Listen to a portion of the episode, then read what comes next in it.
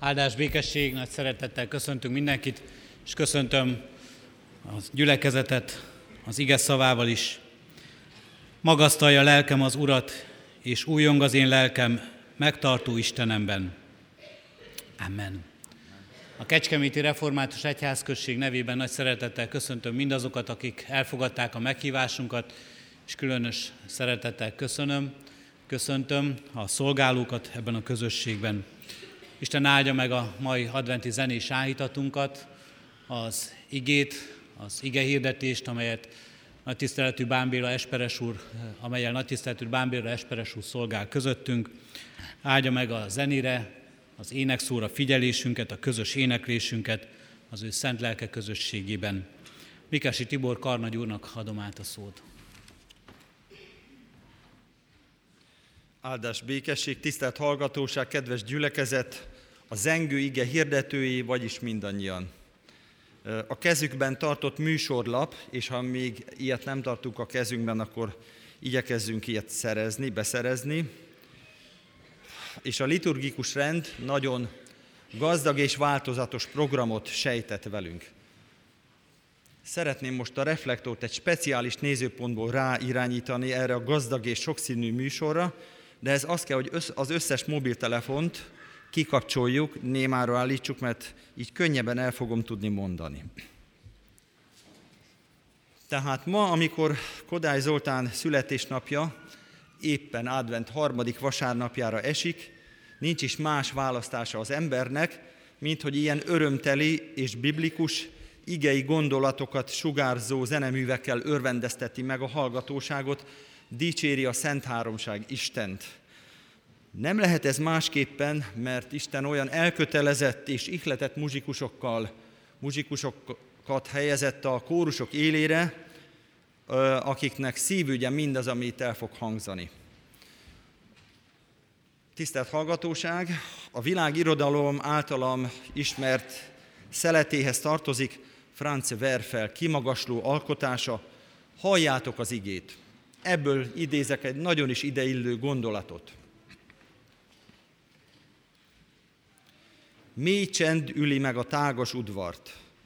A körben felállított asztalok mellől most felemelkednek az isteni lakoma vendégei, a király szavára várnak. Jósia azonban nem is egy szót mond ki, hanem kettőt, és az ünnep igazi jelszava zendül fel szájából a tér fölött. Isten öröme azért adta nekünk, hogy visszaadjuk neki a szabadulás és a szolgaságból való megváltás Páska ünnepén. Ászá fiai most előzönlik az előcsarnokot. Ezek az énekesek és muzsikusok szám szerint 288-an, ahogyan Dávid király és éneklő mesterei minden időkre szóló érvényel szabták eddig az idézet, amely a Krónikák könyvének ihletésében született, és ha eddig gondolatban a Jeruzsálemi templomba jártunk, akkor most térjünk ide vissza a Kecskeméti templomba. Ezek a kisebb és nagyobb, nagyobb éneklő mesterek, akik körbevesznek bennünket, az úrasztalát, pontosan ebben segítenek bennünket, a hálaadásban, a megváltás fölötti öröm kifejezésében. De a jelzett bibliai könyv nem csak énekesekről, hanem hangszerjátékosokról is tudósít minket, akik szintén ihletett módon játszanak a hangszereiken az Úristen dicséretére. A kezükben tartott füzetkék tehát azért készültek, hogy mindezt együtt is tehessük, mindannyian énekeljünk Istennek. A gyülekezeti énekeket tehát a 121 valamint a 65., a 45. és a 47. Zsoltárokat és a közös záróéneket, amelyet a füzetkének a hátulján találnak. Tehát ezeket külön nem mondjuk be, nem mondjuk be, hanem zengessük meg azokat teljes erővel, örömmel. Minden információt elolvashatunk a lapunkon, és kérjük, hogy tapsal sem szakítsák meg a folyamatot, Két kérdés és gyors válasz maradt hátra csupán. Az egyik, hogy akkor mikor lehet tapsolni? A válasz a közös záróének előtt. A másik kérdés, Ki adja meg a hangot, a tempót, a karaktert ezekhez a közös éneklésekhez? Hát ez a válasz kiderül a füzetből, és most álljunk fel, és együtt kezdjük meg a dicséret éneklést a mennyei karokkal. Ami segedelmünk jöjjön az Úrtól, aki Atya, Fiú, Szentlélek, teljes szent háromság, egy örök és igaz Isten. Amen. Kedves testvére, kedves gyülekezet, egy szentírási szakaszt olvasok föl, egy ízig-vérig adventi történetet a Lukács írása szerinti Szent Evangélium első fejezetéből, a 26. verstől a 38. vers végéig terjedő szakaszból, tehát még egyszer a Lukács evangéliuma első fejezetének a 26. versétől olvasom az alábbiakat. A hatodik hónapban pedig Isten elküldte Gábriel angyalt Galilea egyik városába, Názáretbe, egy szűzhöz, aki a Dávid házából származó József jegyese volt. A szűznek pedig Mária volt a neve. És hozzálépve így szólt az angyal, Üdvözlégy kegyelembe fogadott, az Úr van veled. Mária megdöbbent e szavakra, és fontolgatta, mit jelenthet ez a köszöntés. Az angyal ezt mondta neki. Ne félj, Mária, mert kegyelmet találtál Istennél. Íme fogansz méhedben, és fiút szülsz, akit nevez Jézusnak. Nagy lesz ő, és a magasságos fiának nevezik majd, az Úristen neki adja atyának, Dávidnak a trónját, ő pedig uralkodik a Jákób házán örökké, és uralkodásának nem lesz vége. Mária megkérdezte az angyalt, hogyan lehetséges ez, mivel én férfit nem ismerek? Az angyal így válaszolt neki, a Szentlélek száll reád, és a magasságos ereje árnyékoz be téged, ezért a születendőt is szentnek nevezik majd Isten fiának. Íme Erzsébet, a te rokonod is fiút fogant öregségére, és már a hatodik hónapjában az, az, akit meddőnek mondanak, mert Istennek semmi sem lehetetlen. Mária ezt mondta, íme az Úr szolgáló leánya, történjék velem a te beszédet szerint, és eltávozott tőle az angyal.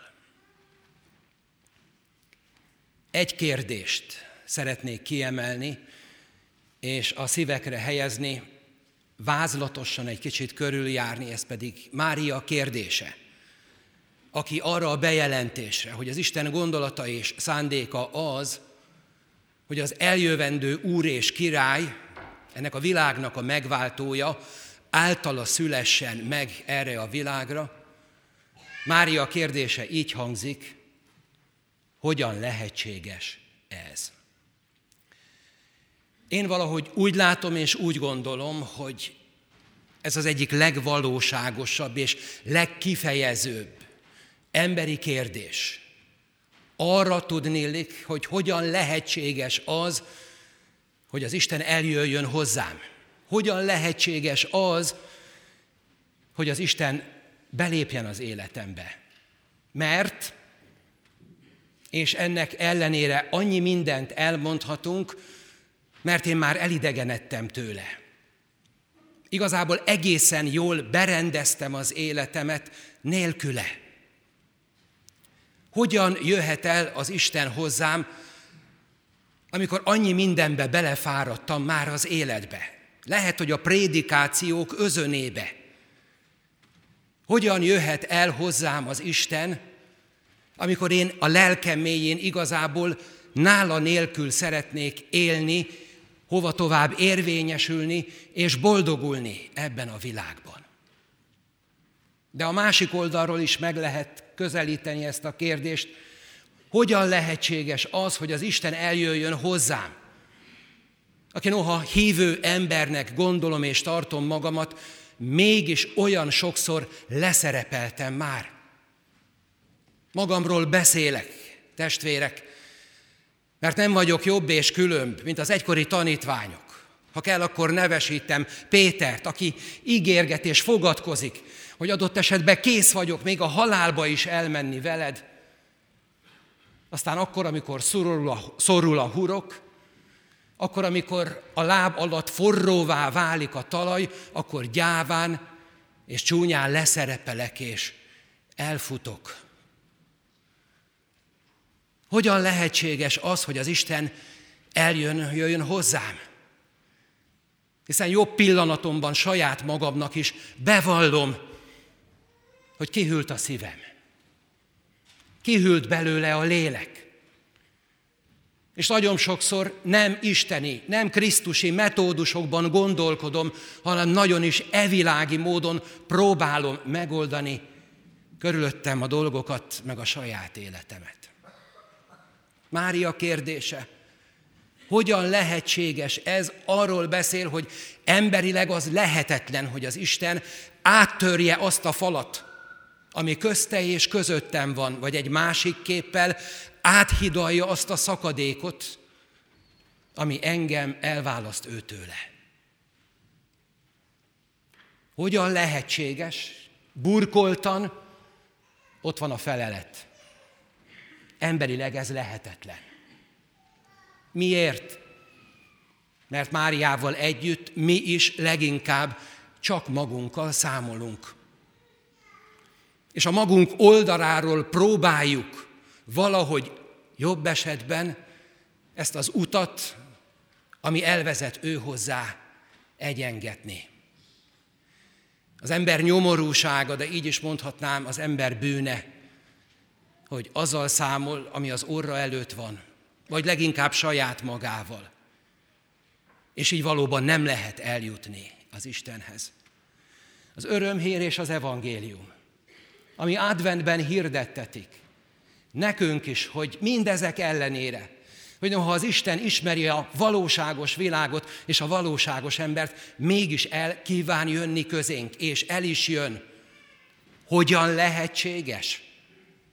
Az angyal megadja a feleletet. Máriának és nekünk is, amikor azt mondja, hogy Szent Lélek.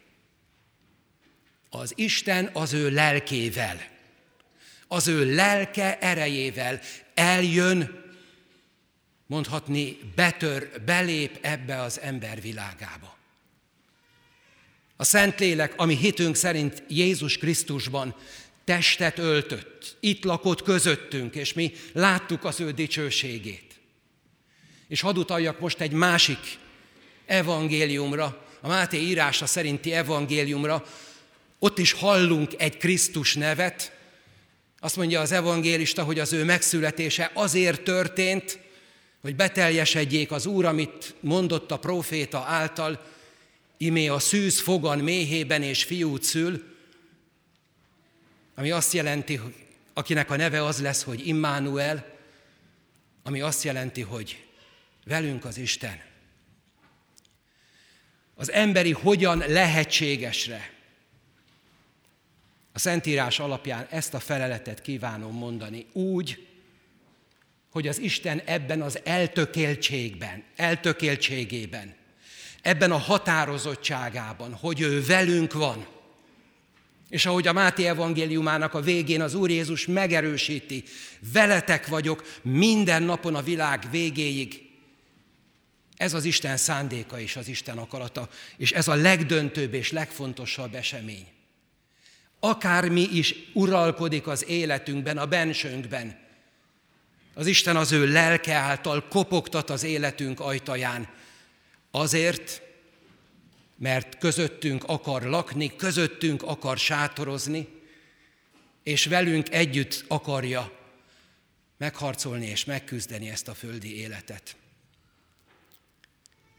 Velünk az Isten. És ezt már Pálapostól viszi tovább, ami az egyházunknak a címerében ott szerepel, az ismert kérdés, hogy ha az Isten velünk, akkor kicsoda ellenünk. Betlen Gábor egy órával a halála előtt fölírta a feleletet egy lapra, amikor már beszélni nem tudott. Bizonyára nincsen. Senki nincsen. Mi az, amit tehetünk? És ebben Mária példa előttünk, az ő felelete modell értékű. Íme az Úr alázatos szolgáló leánya. Legyen a te beszédet szerint. Mi az, ami megfogalmazódik Mária ajkán? Az, amit ilyen röviden és tömören a Szentírás így ad vissza. Hit. Engedelmesség. És tiszta szívből azt kívánom, hogy ebben az ünnepben az Isten kopogtatására, keresésére, és a bennünk lévő ellenállások ellenére Máriával mi is el tudjuk mondani, hogy legyen a te beszéded. Jöjj, királyom, Jézusom, légy és maradj velem, mind örökkön, örökké. Úgy legyen. Ámen. Hajtsuk meg a fejünket, imádkozzunk.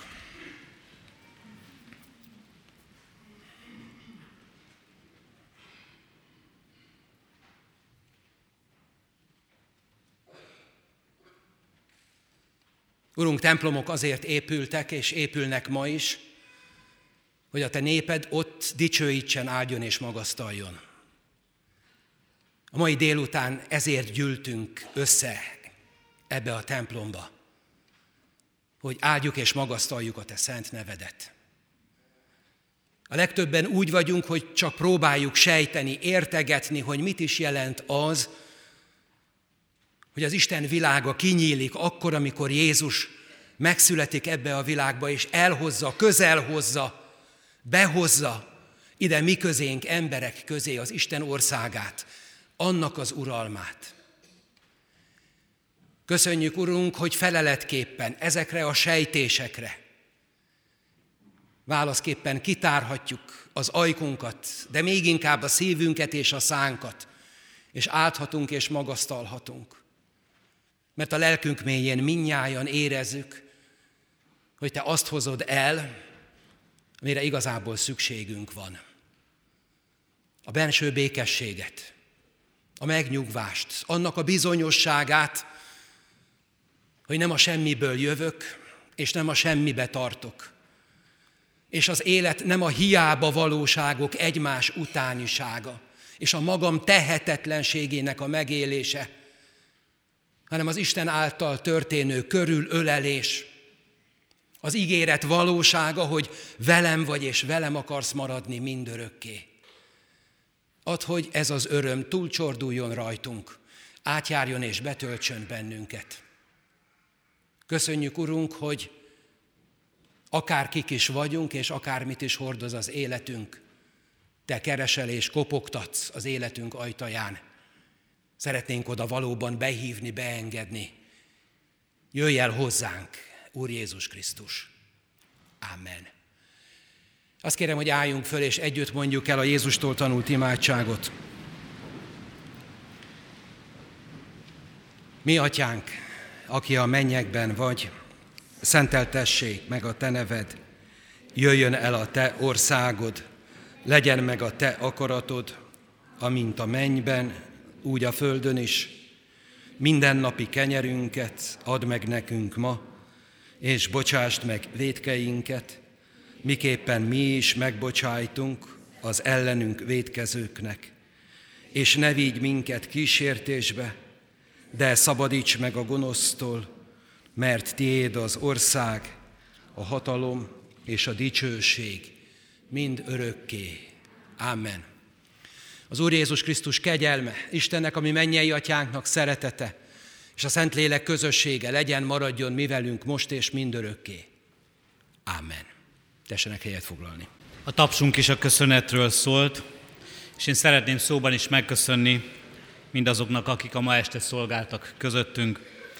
Köszönöm a kórusoknak, a Református Általános Iskola Kicsinyek kórusának, csak továbbra is ilyen bátran, nagyon bátrak voltatok, hogy kiálltatok, és ezt a bátorságot kívánjuk nektek továbbra is az általános iskola szól a Fidé kórusának, gyermekkarának és karnagyának, Jámborni Márkus Emőkének, aki vezényelte és vezette őket.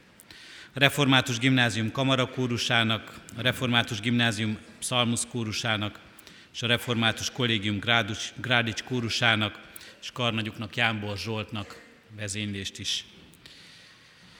Köszönöm szépen a hangszeres segítőnknek és kísérőknek, Pikkolón Szabó Zsuzsa Zsuzsanna volt segítségünkre, zongorán Oroszné Tornyai Lilla játszott, orgonán és zongorán Kovács Levente. Köszönöm szépen Mikesi Tibor Kántor úrnak a zenés állítat gondozását, szervezését, és külön nagy tisztelettel köszönöm meg vendégeinknek szolgálatát, Pál úr János Liszt Ferenc Díjas orgonaművész szolgálatát, és az igehirdetést Bán Béla Esperes úrnak.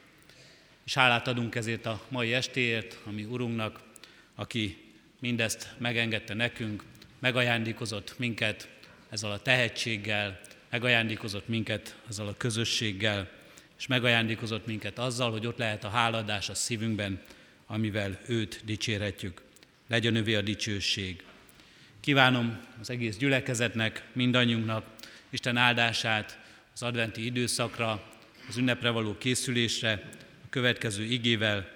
Örüljetek az Úrban mindenkor, ismét mondom, örüljetek, a ti, szelíd, a ti szelítségetek legyen ismert minden ember előtt, az Úr közel. Zenés állítatunk zárásaként, fennállva énekeljük a 315. dicséretünket, a 315. dicséretünknek első, második és hetedik verszakát.